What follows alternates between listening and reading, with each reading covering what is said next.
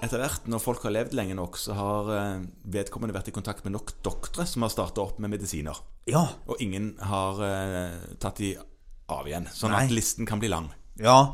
Har du òg det problemet at i journalsystemet så av og til så plutselig så har den listen blitt kjempelang fordi folk har vært inne og lagt inn ting? Ja, Det, har, det har skjedd. Og så Ja. har han òg glemt at en kur ikke er fast, eller et behovsmedisin ikke er fast, og den typen ting. Så det, noen ganger må en rydde bitte grann. Ja. Men poenget er at eh, noen ganger så kan en pasient komme etter å ha starta med noe medisin, og så presentere et symptom. Ja.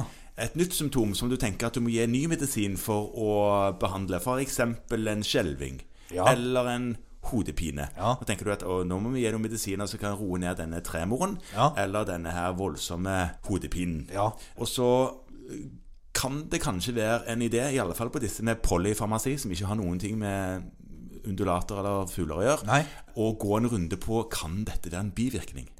Ja, for nå er du inne på noe som er sentralt, og som vi egentlig lærte for veldig lenge siden. Det er at man skal jo ikke behandle en bivirkning med en ny medisin for å gi pasienten nok en bivirkning. Nei, det er jo en- et godt prinsipp, men Ja. det glipper noen ganger. Ja. Fordi at jobben har vært litt sånn tungvint med å finne ut om dette nye symptomet har med medisiner å gjøre i det hele tatt. ja. Og så er det en annen ting som er sentralt, og det er at hvis du går inn på denne berømte felleskatalogen vår og leser på et sånt produkt, leser bivirkningslisten, Ja, så er jo det alt som kan skje i hele verden.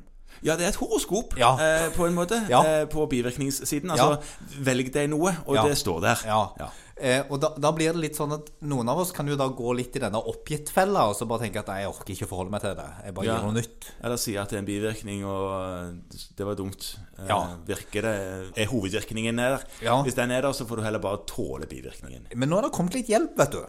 Få høre.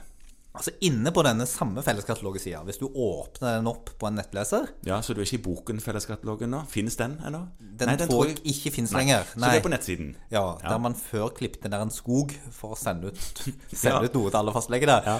Og så gjør man ikke det lenger. Men inne på nettsiden så er det nå kommet opp en knapp helt øverst til høyre.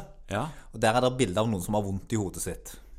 ja vel. Ja. Og hva heter den knappen? Den heter bivirkningssøk. Ok, det hørtes spennende ut. Hva, hva, hva er poenget med den? Hva, hva, hva skjer? Altså, det er egentlig et fornuftig og godt hjelpemiddel. For hvis du sitter med en pasient med en polyfarmasi, der det på en måte er uendelig mange forskjellige ting Ja. som kan gi pasienten en bivirkning, og du ikke helt tenker på hva, Mhm. så må vi da skyte inn her at i tillegg når du driver på med sånn polyfarmasi, så kan du få interaksjoner òg.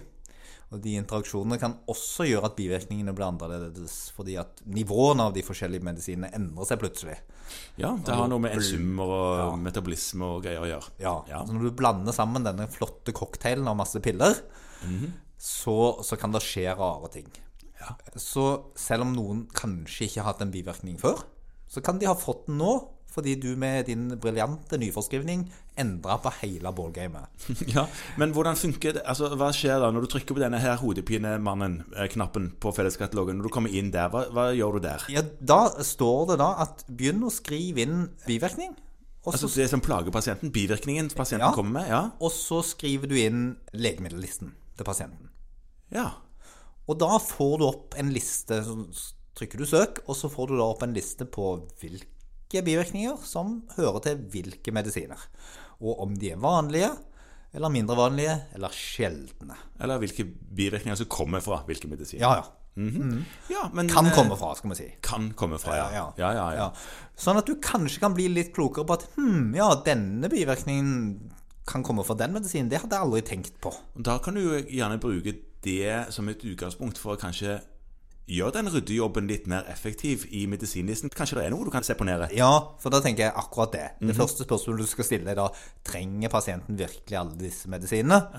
Eh, Og når du da har tatt bort det som du tenker at de ikke trenger, hvis det var noe, eh, så må du se er det da noen her som kan gi bivirkningen, som f.eks. skal prøveseponere en periode. Veldig spennende. Så denne funksjonen er der helt ny nå. Ja. Legge til at at det er sånn der en eh, inkrementelt søk, sånn at hvis du begynner å skrive på bivirkningen, Ja. så vil han på en måte foreslå bivirkninger. Og er det smart? Ja. Sånn at du får noe som passer. Ja, så noe som de som har lagd dette, her har koda allerede? Ja, og du kan ikke søke helt i fritekst. Så Du Nei. må på en måte velge en av de bivirkningene som i gåseøynene fins. Så smerte i lillefing, det antagelig dukker ikke det opp. Skal aldri si aldri, men jeg kan ikke huske å ha lest det. Nei. nei. Men eh, dette kan være nyttig å prøve. Ja, absolutt. Særlig når ting begynner å bli uoversiktlig, og det blir det jo av og til hos oss òg. Det gjør det.